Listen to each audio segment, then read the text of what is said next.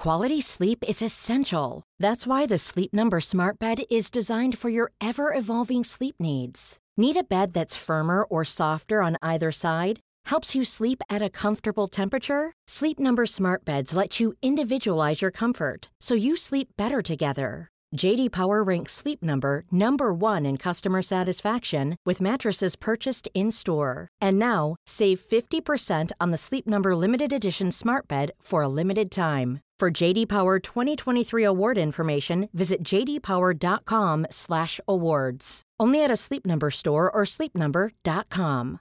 Ready to pop the question? The jewelers at BlueNile.com have got sparkle down to a science with beautiful lab-grown diamonds worthy of your most brilliant moments. Their lab-grown diamonds are independently graded and guaranteed identical to natural diamonds, and they're ready to ship to your door. Go to BlueNile.com and use promo code LISTEN to get $50 off your purchase of $500 or more. That's code LISTEN at BlueNile.com for $50 off. BlueNile.com code LISTEN.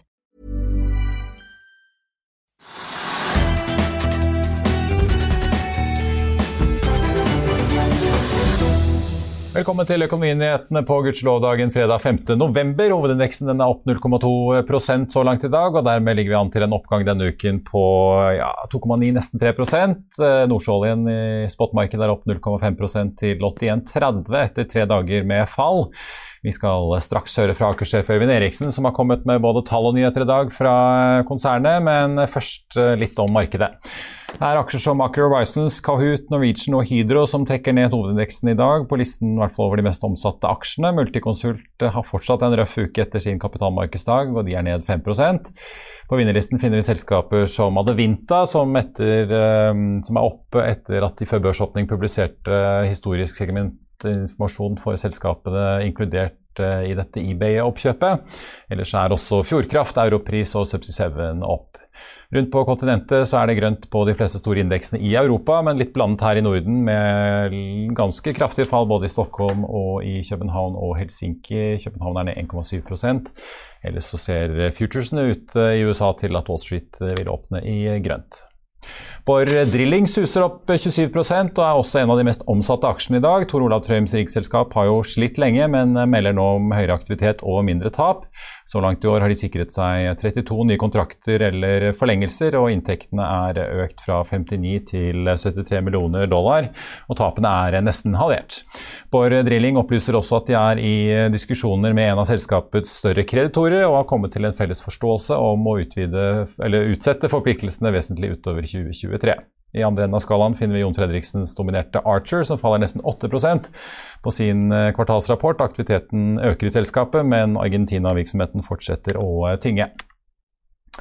Kjell Inge Røkkes Aker slapp resultatene sine fredag, og det har ikke bare vært et hendelsesrikt kvartal for den kjente investoren og industribyggeren, men også et innbringende. Akers verdijusterte egenkapital steg med 3,9 milliarder til rekordhøye 70,8 milliarder kroner. Og Den store nyheten i dag eh, var nok at Aker nå skal begynne med kapitalforvaltning, men eh, hvor mye penger Aker har tenkt å sette inn i sine nye venture- og private equity-satsinger selv, om Ola og Kari Nordmann kan begynne å spare i disse fondene, og eh, om det er sånn at Røkkes Aker kanskje kan bli slått sammen med et annet selskap, ja, det spurte vi konsernsjef Øyvind Eriksen om etter dagens kvartalspresentasjon. Øyvind Eriksen, konsernsjef i Aker, takk for at du er med oss. Dette er jo det andre kvartalet på rad hvor dere kan notere dere rekordhøye nettoverdier. Nå er dere oppe i 70,8 milliarder. Hvordan reflekterer du selv over den oppgangen dere ser? Den er jo selvfølgelig drevet av oljeselskapet Aker BP, men også salg av Ocean Yield og verdiøkningen der og Aker Horizons? Så verdiutviklingen er jo hyggelig, og det er, i seg selv veldig, veldig bra. Men enda viktigere er jo at verdiutviklingen har fortsatt på en god måte etter kvartalsslutt. Og at det er understøttet av veldig mye spennende som skjer industrielt i porteføljen. Samarbeid med SalMar for å bringe lakseoppdrett eh, lenger ut i havet. Stor grønn industrisatsing i Narvik eh, og salg av Eh, Ocean Yield til KKR um, summerer seg til um, en, en, periode med ikke bare god verdiutvikling, men også fortsatt uh, endring og god energi i Aker. Du, eh, før vi kaster oss over det nye prosjektet deres, så tenkte jeg jeg ville spørre deg litt om hvordan dere bruker kapitalen dere sitter på. Dere får jo inn nå 4,5 milliarder kroner fra salget av eh, Ocean Yield, og Aker BP betaler jo store utbytter. Eh, dere valgte ikke å bli med i denne emisjonen som ble annonsert i, i går fra Aker Horizons på en uh, milliard kroner. Eh, hva annet skal dere bruke pengene på?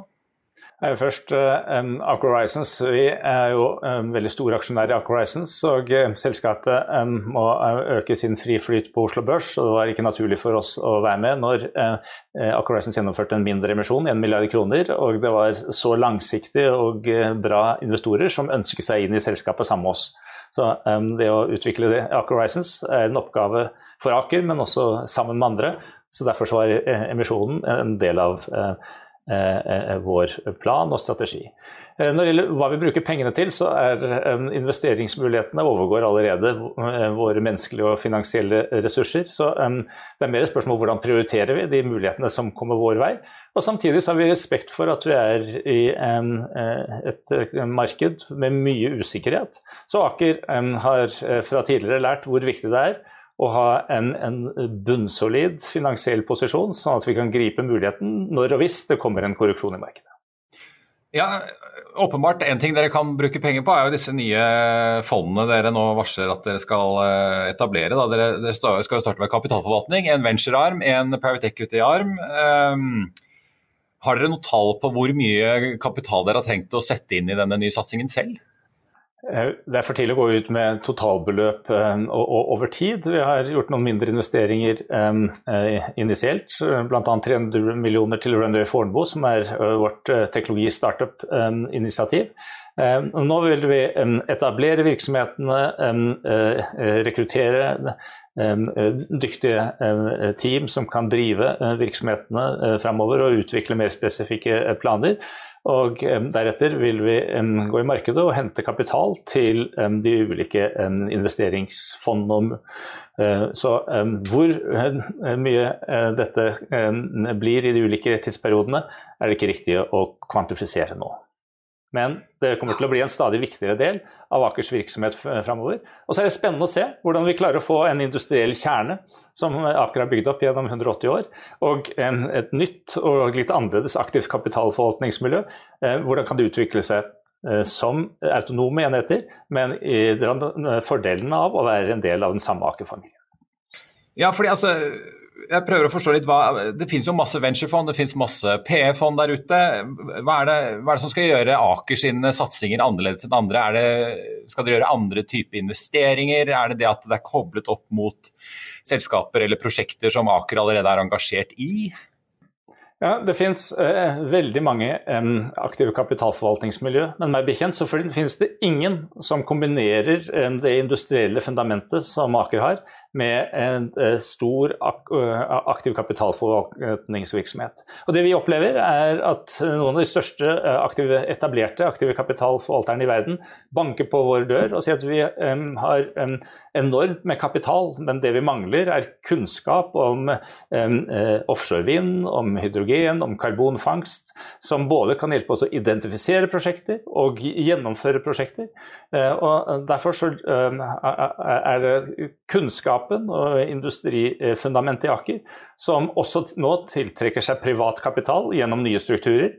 Og eh, når en ser inn i eh, hvor enorme beløp som må mobiliseres for å lykkes med den såkalte energy transition, så eh, sier det seg selv at en må tenke nytt også i kobling mellom såkalt public og private kapital.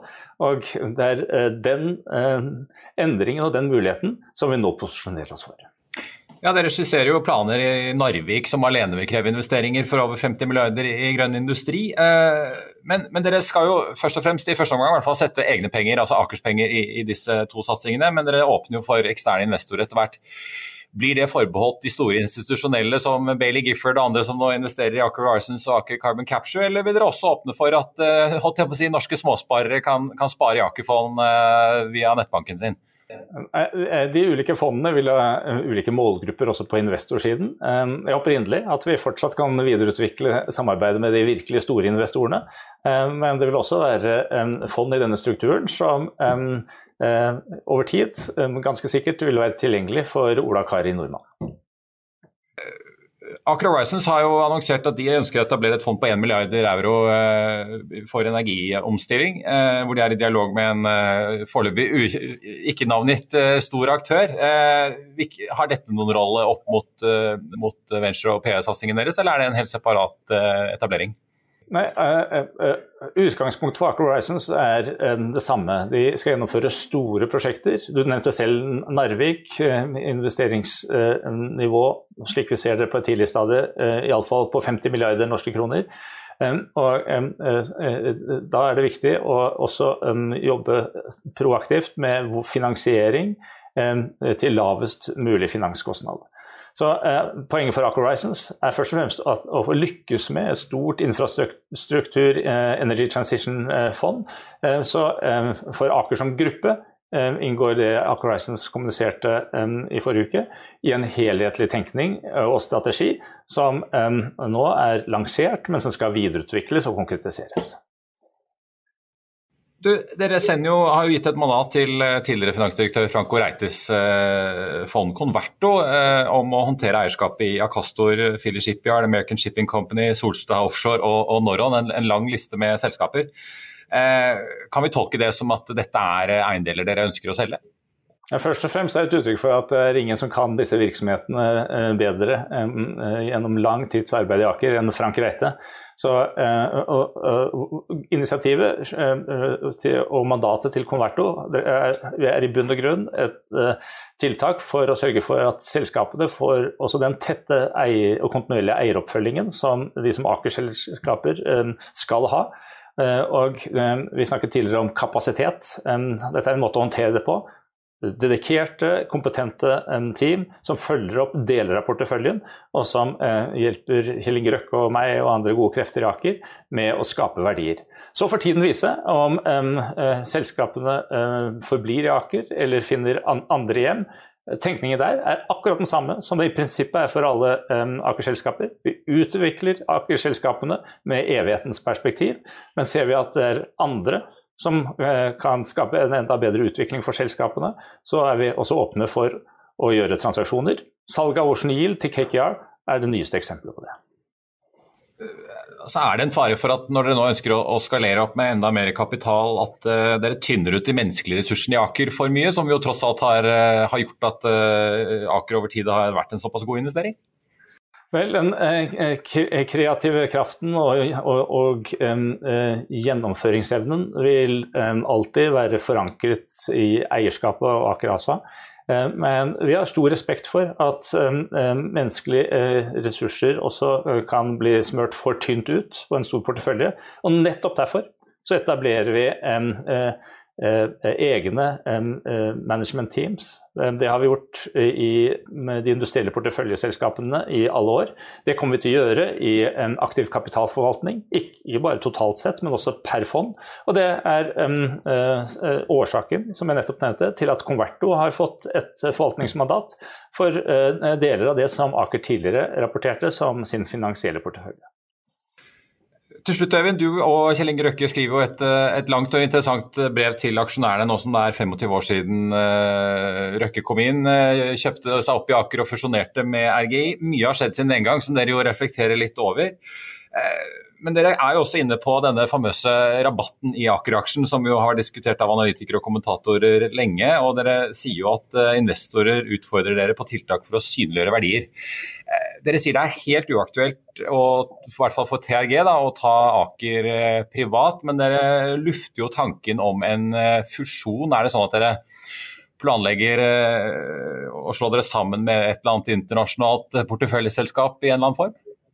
Ja, hvor famøs rabatten er, det tror jeg vi kan ha en interessant diskusjon om. Med 26,4 årlig avkastning siden 2004, så møter jeg bare smilende aksjonærer eh, til tross for rabatten. Men eh, viktigere enn det, eh, det er en fryd å oppleve at Kjell Inge Røkke gjennom TRG fortsatt har den gløden for å skape industri og arbeidsplasser med utgangspunkt i, i Norge. Og det som i kjerne gis uttrykk for i brevet, er at den to tredjedels eierandelen som TRG eh, i, i, dag har i Aker, skal ikke være begrensning eh, for den utviklingen. Snarere tvert imot. Kjell Inge ønsker et kvantesprang også i industriell utvikling og verdiskapning. Og sier at to tredjedels eierskap skal ikke stå i veien for det. Eh, så hvis det er andre som ønsker å være med oss på den utviklingen, og som ser de samme underliggende verdiene i Aker som det du og vi ser, så er de velkommen til dialog. For det eneste vi fokuserer på, det er hvordan vi kan realisere de eh, mange mulighetene som eh, markedet generelt og den grønne omstillingen gir et kompetent og potent miljø som Aker i årene framover altså, I denne perioden som har gått, da, så har man jo da hatt en storeier som har eid såpass mye at investorene vet at uh, den eierandelen kan beskytte mot uh, både oppkjøp og uh, andre ting. Åpner det da for å gå over til en struktur hvor dette blir helt annerledes? da? At det kommer inn internasjonale aktører f.eks. som medeiere? Jeg kjenner ingen som investerer i Aker uten at de har klokketro på at vi også fortsatt vil skape merverdier til våre aksjonærer. Og Kjell Inge har vært og kommer fortsatt til å være en, en, en del av det. Men um, de som har fulgt oss over tid, har også sett hvordan um, vi har endret porteføljen for å tilpasse oss nye markeder og nye muligheter. Og tenk, Cognite, Aker Horizons og Aker BP eksisterte knapt nok for seks år siden. I dag utgjør de over 75 eh, av våre bruttoverdier. Og uten nettopp den evnen til å gripe muligheten og omstille seg, så hadde Aker vært eh, et mye mindre eh, selskap, både i størrelse og interesse. Eivind Eriksen, konsernsjef i Aker, takk skal du ha. Ryan Reynolds here from Mint Mobile. With the price of just about everything going up during inflation, we thought we'd bring our prices down. So to help us, we brought in a reverse auctioneer, which is apparently a thing. Mint Mobile unlimited premium wireless. Ready to get 30, 30, bit to get 30, bit to get 20, 20, 20, bit to get 20, 20, bit to get 15, 15, 15, 15 just 15 bucks a month. So, Give it a try at mintmobile.com/switch. slash $45 up front for 3 months plus taxes and fees. Promo for new customers for limited time. Unlimited more than 40 gigabytes per month slows. Full terms at mintmobile.com. I'll see you in court. Vi sier det ofte litt på spøk, men for deg som driver business, er det aldri moro å innse at du ikke har laget en 100% gyldig kontrakt. Du bør ikke risikere hele firmaet ditt fordi du synes dette med kontrakter er litt stress. En avtale er ikke en avtale. Du kan miste kunder, miste venner, ja, til og med miste inntekter om du ikke lager en skikkelig kontrakt, på alt mulig, egentlig. Men vi vet det er et styr. Kopimaskiner, tregprinter og haugevis av papir. Dessuten stoler vi jo på folk her i landet. Det er ofte litt kleint å skulle be om en signatur for alt mulig, ja, for mye av styret handler også om jakten på underskriften. Det finnes en enkel måte å løse dette på, Dukkobit, en trygg, effektiv og get this, gratis måte å sikre seg en god natts søvn pluss en juridisk bindende avtale. Dukkobit-appen har de strengeste sikkerhetskrav i bunn, samt en EU-godkjent og sertifisert teknologi. Framover vil det bli behagelig å spørre du, skal vi skrive under på det, eller? Kom i gang på dukkobit.no. Aker-aksjen er eh, eh, ja, litt over 1% akkurat nå. Aker Horizons de er ned 3,6 eh, nå, etter at selskapet kjørte en emisjon i løpet av, eller altså fra i går til i dag. På 34,50. Aksjen er litt over 35 kroner nå. Aker er for øvrig ikke med altså, i den emisjonen. Nå skal vi over til dagens gjest, som jobber i en bransje som går som det griner om dagen, men som finansminister Trygve Slagsvold Vedum ikke er spesielt glad i. Han har til og med kalt den et sidebyråkrati, ettersom staten i fjor brukte 12 milliarder kroner på den, mot 6,9 eh, milliarder på sitt eget embetsverk, ifølge Aftenposten. Men med denne avsmaken på toppen av politikken blir det dårligere tider for disse konsulentene fremover. Velkommen til oss, eh, Leif Arne Jensen, administrerende direktør i PwC Norge. Tusen takk. Jeg vet ikke om dere har røyket fredspipe med finansministeren ennå, eller om dere forbereder dere på magrere tider? Eh, nei, vi har definitivt ikke røykt noen fredspipe. Vi får ta en dialog med ham når han får litt bedre tid. Eh, jeg er ganske sikker på at eh, når vi får snakka sammen, så vil han også se verdien av eh, det å ha en uh, vital konsulentbransje. Dere har sikkert salgspitchen klar, men ja, fra, fra, spøk til alvor, det går jo veldig bra. Det er veldig høyt trøkk, ikke bare hos dere, men hos de andre konkurrentene i de fire store, hos Accenture, mange. Hva er det mm. som driver denne voldsomme etterspørselen etter konsulenttjenester om dagen? Det er jo sammensatt, men det er klart at det er en viss ketsjupflaskeeffekt etter pandemien. Og så er det jo et omstillingsbehov i norsk næringsliv som er større enn det noen gang har vært. Ja. Du, dere omsatte jo for 3,3 milliarder. Nå har dere avvikende regnskapsår da, som slutter i juni. Mm. Uh, juni i fjor da var det 3,3 milliarder, nå har det økt til 3,6. Mm. Ny rekord? Mm. Ja. Definitivt. All time high. Både det... topp og bunnlinje. Ja. Mm. Og dere sitter jo igjen, i hvert fall i fjor var det jo ja, 648 millioner omtrent. Ja. Pluss på advokatvirksomheten, da. Mm, mm, ja. Mm. Eh, men er det, vokser alle segmenter, eller er det noen For dere har jo det tilbyr advokattjenester, revisjon, konsulent, masse forskjellig. Er det liksom jevnt trøkk over hele linjen? Ja, det er det. Eh, vi har jo sett en tendens over noen år hvor eh, konsulentvirksomheten har vokst raskere enn revisjonsvirksomheten. Men over den siste perioden så har vi sett ganske lik vekst. Og Det er jo litt interessant å se hvordan måte, etterspørselen har økt egentlig innenfor alle tjenesteområder vi har i dag. Da. Men Hvorfor øker revisjon? Er det fordi at eh, myndighetene pålegger mer krav om alt mulig man skal rapportere? og sånn, eller er det... Ja. Ja, det, det, er jo sammensatt. Det er jo ikke tvil om at eh, rammebetingelsene for selskapene i dag er mye mer komplekse. Eh, det pålegges òg mye mer rapportering, som selvfølgelig treffer revisor. Eh, jeg tror kanskje det aller viktigste er jo den spisskompetansen som revisor tilfører virksomhetene. Eh, at eh, revisorene kan hjelpe de å manøvrere og være et kompass da, i den jungelen av informasjon og kompleksitet som vi står oppe i i dag.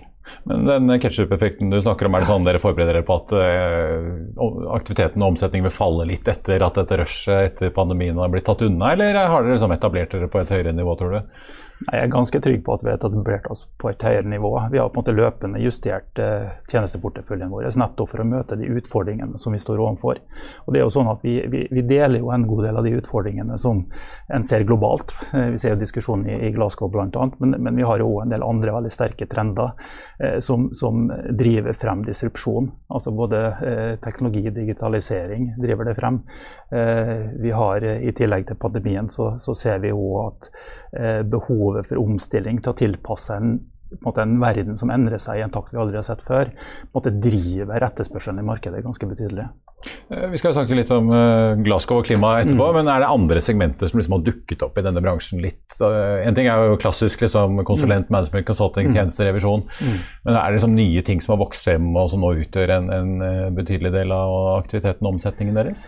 Ja, det, det, er jo to områder som eh, drives nå frem av de globale trendene. Det ene er jo alt som på en måte knytter seg til teknologi og den endringsreisen selskapene må være i. Eh, på halen av det så kommer jo behovet for å ha integritet i dataene, ha, ha sikre data, sikre dataene sine.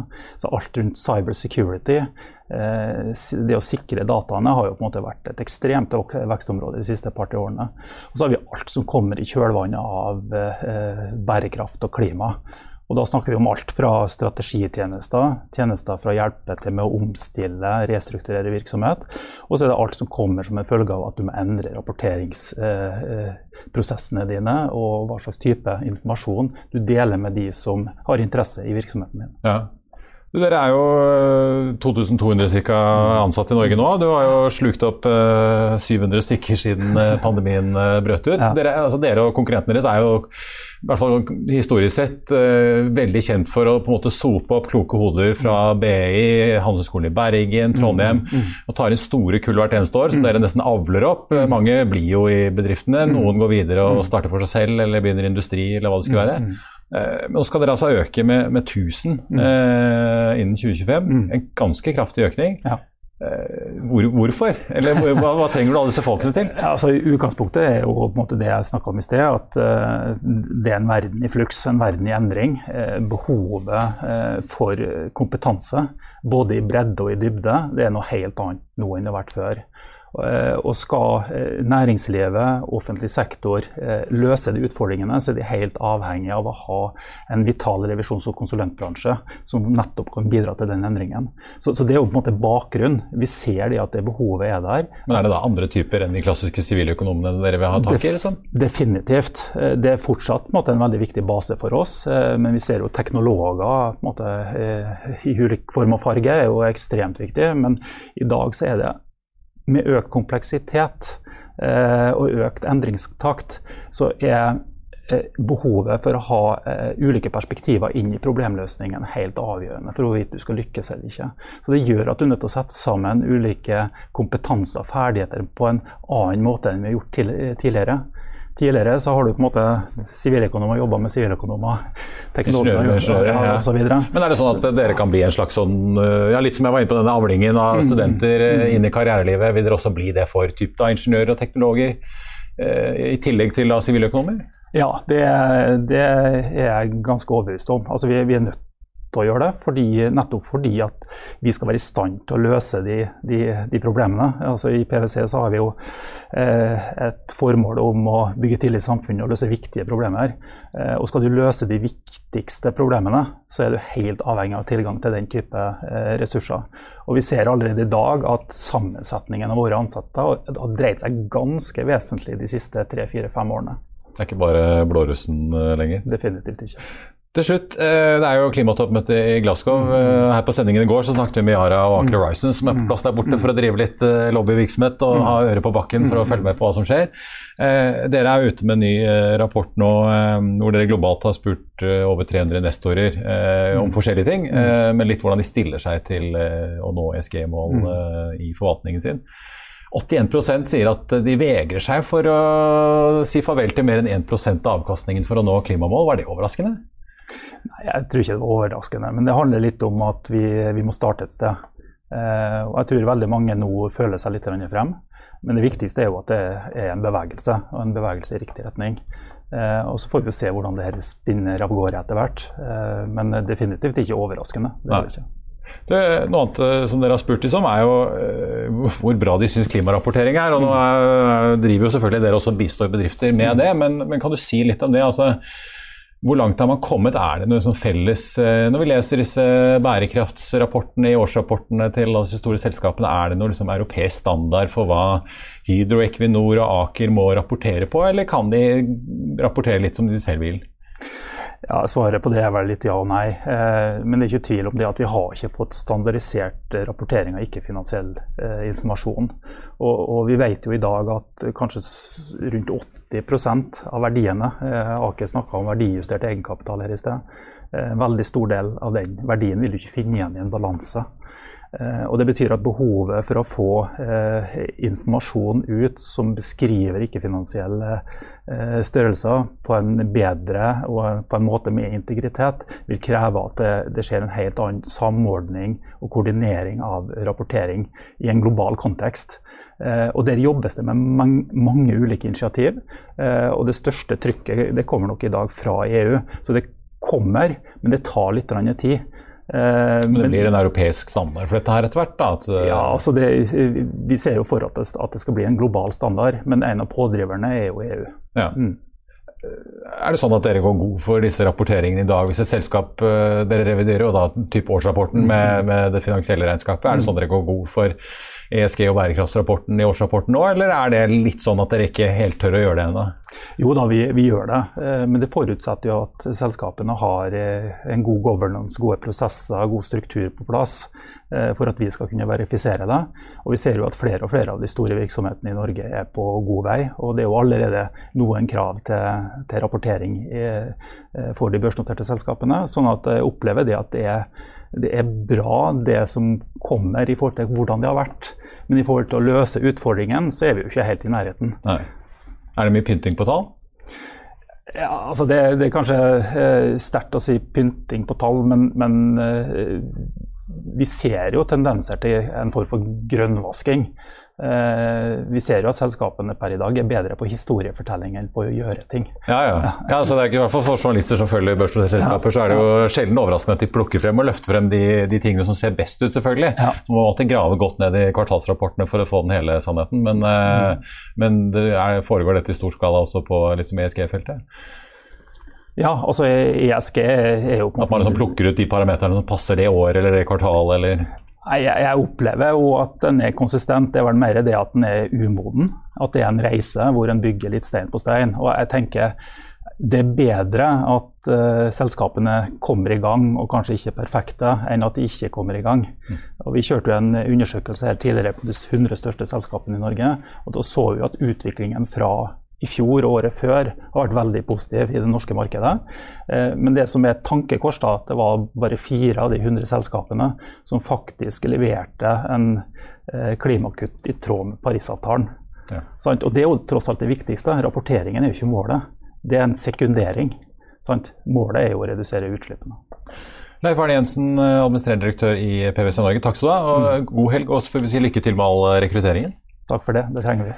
I morgen er det lørdag, og det betyr en ny utgave av Motor. Og mens redaksjonssjef Andreas Scheel er på vei inn i studio, så kan dere jo se på en av de bilene som du kan lese om i morgen. Og det er en bil mange kjenner til fra før, som nå kommer i en etterlengtet og langt mer hissig innpakning. Bare se her. Mange hadde meninger om Ford da de lanserte sin elbil og brukte Mustang-navnet på sin Mac E. Eh, det er likevel eh, veldig mange som også likte denne bilen, og det er det selvfølgelig flere grunner til. Det er en SUV, den har firehjulstrekk, du kan også få den med bakhjulstrekk. Den har eh, god rekkevidde, god plass og en akseptabel pris. Men nå har Ford kommet med en toppmodell av Mac-E, og det er lett å se at dette er noe helt spesielt. Fargen kjenner man igjen fra Fords ST-modeller, mens fronten her har en del sorte detaljer, lavere leppe Bilen er senket, den har 20-tommers hjul, rød Brembo-bremser, sorte speil og har i det hele tatt alt som skal til for å vise at dette er noe mer enn en helt vanlig Ford Mustang Mach-E. Denne bilen har fått 487 hestekrefter, og den gjør 0 til 100 på 3,7 sekunder. Så dette her er en bil som er ordentlig kul å kjøre. Innvendig har det ikke skjedd så store endringer fra den vanlige Mustang Mach-E til GT-versjonen. Men eh, litt er det, og det første man legger merke til, er jo disse setene, som er veldig gode. De mangler riktignok tilt i sitteputen, men de har en veldig både behagelig og god støtte, og oppover her så er dette veldig bra. Og det er kanskje grunn til at eh, Ford skal slutte å bruke Recaro i bilene sine og heller gjøre denne jobben sjøl. Eh, ellers innvendig her er det en svær skjerm som har de aller fleste funksjoner du trenger. Noe kan styres fra rattet, med berøring. Stemmestyring har de også, det fungerer jo av og til ganske greit. Skjermen er kanskje ikke helt på Tesla-nivå når det gjelder eh, funksjonalitet og, og utseende, men eh, det funker stort sett greit. Og Materialkvaliteten er kanskje ikke helt på tysk premium-nivå, men her er det en del kunstskinn, og de har en flott lydplanke over dashbordet med Bang Olufsen-anlegg. Og bakover i bilen er det god plass til familien. Du har et stort bagasjerom, du kan legge ned setene, det er plass til ski. Du har en frunk foran med plass til ledningene, og i det hele tatt så er det lett å trives. Ja, Andreas, eh, da må jeg jo spørre hvordan er den å kjøre? da? Den har et litt annet fjæringssystem eh, enn den eh, Mach 1 som er ute på norske veier nå? Det har den. Den har såkalte Magnaride støttdempere. Det betyr jo at det er en væske med metallpartikler inni demperne, så når du tilsetter eller regulerer strømmen, så blir den stivere eller slakkere, avhengig av hvordan du stiller den inn, og også hvordan den oppfører seg under kjøring, og tilpasser seg på en mye bedre måte. og Det gjør at bilen blir mer stabil og mer forutsigbar. Og som elbiler flest, så er jo denne også som elbiler Den er tung, men vekten ligger lavt. Så det er både fordeler og ulemper. Vekten ligger lavt, men det er mye vekt som flytter på seg. Denne bilen veier jo 2,3 tonn. Så ja. de støtdemperne får litt å jobbe med. det er nesten Range Rover-territoriet? Ja, faktisk. Og, men her har de også satt på enda stivere fjærer i tillegg, så, så dette fungerer bra. og det det er veldig ålreit å kjøre. Og sammenlignet med de andre, så er den klart det derre hakket hvassere. Ja. Har Ford klart liksom det Ja, Porsche har forsøkt seg på Taycan, altså elektrisk sportsbil. Eh, vi vet jo at Tesla går eh, kjapt i, liksom på en rett linje. Men det var vel kanskje Taycan som liksom tok eh, sportsbilen inn i den elektriske verden? Det er det nok, men for elbiler flest så er jo de kjappere enn vanlige biler. Og denne bilen går fra 0 til 100 på nå husker jeg ikke, tre, litt over tre sekunder. Så det er klart det er, det er skikkelig kjapt. Og, og, da har du en bil som, eh, som du sier også, som går fort rett frem. Men det er jo dette med i svingene at det kanskje har litt å si. og der er jo fortsatt, i hvert fall Porsche, hakket heftigere. De har jo ESP-systemer som du kan koble litt eller helt av. Mens hvis du kjører litt sånn crazy i svingene med den bilen her, sånn, så bremser den for å hjelpe deg på rett kjøl. Men når du da skal ut av svingen igjen og begynner å rette opp hjulene og gi full gass, så blåser du av gårde på en sånn nesten surrealistisk måte også i denne bilen her. Så det går ordentlig unna. altså.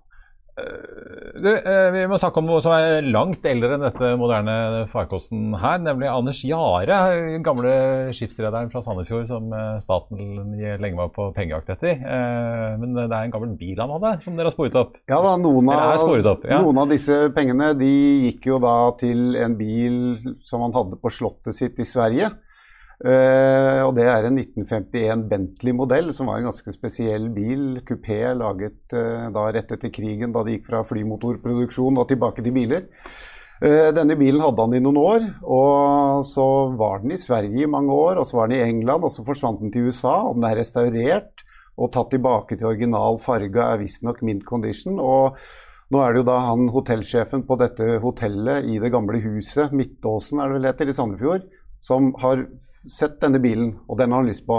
Den ligger ute til 180 000 dollar, men uh, den skal de forsøke å få tilbake til Jare-samlingen, hvor de prøver å bygge mye rundt Jare i Sandefjord. Han er jo Sandefjords store sønn, selvfølgelig, ja. på mange måter. Og det er jo flott utsikt og staselig oppe på Midtåsen. Ja. Veldig morsom historie, og det er liksom å følge den bilen gjennom hva den har vært gjennom, og nå kanskje tilbake. Så Bil er mye mer enn bare kjøretøy, det er jo historie ofte. Det er det, og litt kjærlighet. Eh, apropos, men eh, dere har jo også tester av flere elbiler? Ja, vi har en test hvor vi har tatt den nye eh, Tesla modell Y. Den har jo begynt å virkelig gjøre sitt inntog her, og matchet den opp mot Volkswagen ID4 GTX og mm, Volvo XC40, også firehjulstrekker alle sammen. Så da kan du se, i hvert fall kanskje lære litt mer om hva du skal legge merke til og tenke på før du kjøper elbil. Så er det i hvert fall en mulighet til å sjekke ut det i morgendagens motor. Et oppgjør mellom folkefavorittene, får vi vel si da, i elbilklassen? Det er det. De er populære alle sammen. Det virker jo som alle elbiler er populære om dagen. Ja, det virker nesten sånn. Det er det det går i. Andreas Schjeldt, takk skal du ha. God helg. I like måte. Da skal vi ha dagens børskaffer. Har du ønsker om aksjer vi skal analysere, send en e-post til tvtips at finansavisen.no. Da tenkte jeg vi skulle ta en liten kjapp oversikt over Oslo Børs eh, helt på tampen av sendingen. Det er fortsatt en 24 eh, minutter igjen til Wall Street åpner, nå som østkysten av USA ligger fem timer bak oss med en litt eh, avvikende vintertid. Kahoot er ned 8,6 Aker Horizons er børsens mest omsatte, faktisk, og ligger nå ned 2,9 Hovedindeksen er opp 0,37 eh, og får litt drahjelp av Equinor, som er opp et par prosent i dag. Aker BP opp 0,2. Ellers så er eh, DNB opp 1,9, og Boy Drilling ligger fortsatt veldig godt an på listen over de mest omsatte, med en oppgang på 27% Ellers så ser vi også at um, Vaxibody ligger inne på listen over de mest omsatte, med en nedgang på 3,1 i Finansavisen eh, lørdag kan du lese om en hytte som tok av på Finn, og ideen som ble til et vekstselskap. Du kan lese Trygve Hegnars leder om Jon Georg Dale, kommunikasjonsbransjen og yrkesforbud. Du kan lese om ukens aksje Elliptic Labs, og selvfølgelig masse helgestoff eh, om bil, vin, mote og mye annet. Det var det vi hadde for i dag. Tusen takk for at du så på. Vi er tilbake på mandag klokken 15.30. I mellomtiden ønsker vi deg og dine en riktig god helg. Takk for nå.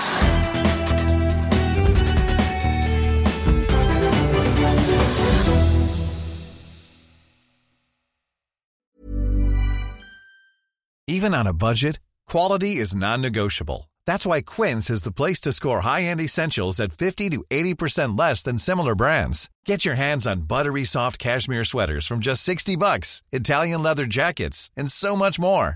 And the best part about Quince, they exclusively partner with factories committed to safe, ethical, and responsible manufacturing. Elevate your style without the elevated price tag with Quince. Go to quince.com slash upgrade for free shipping and 365-day returns. Økonominyhetene er en podkast fra Finansavisen. Programledere er Marius Lorentzen, Stein Ove Haugen og Benedikte Storm Bamvik. Produsenter er Lars Brenden Skram og Bashar Johar. Og ansvarlig redaktør er Trygve Hegnar.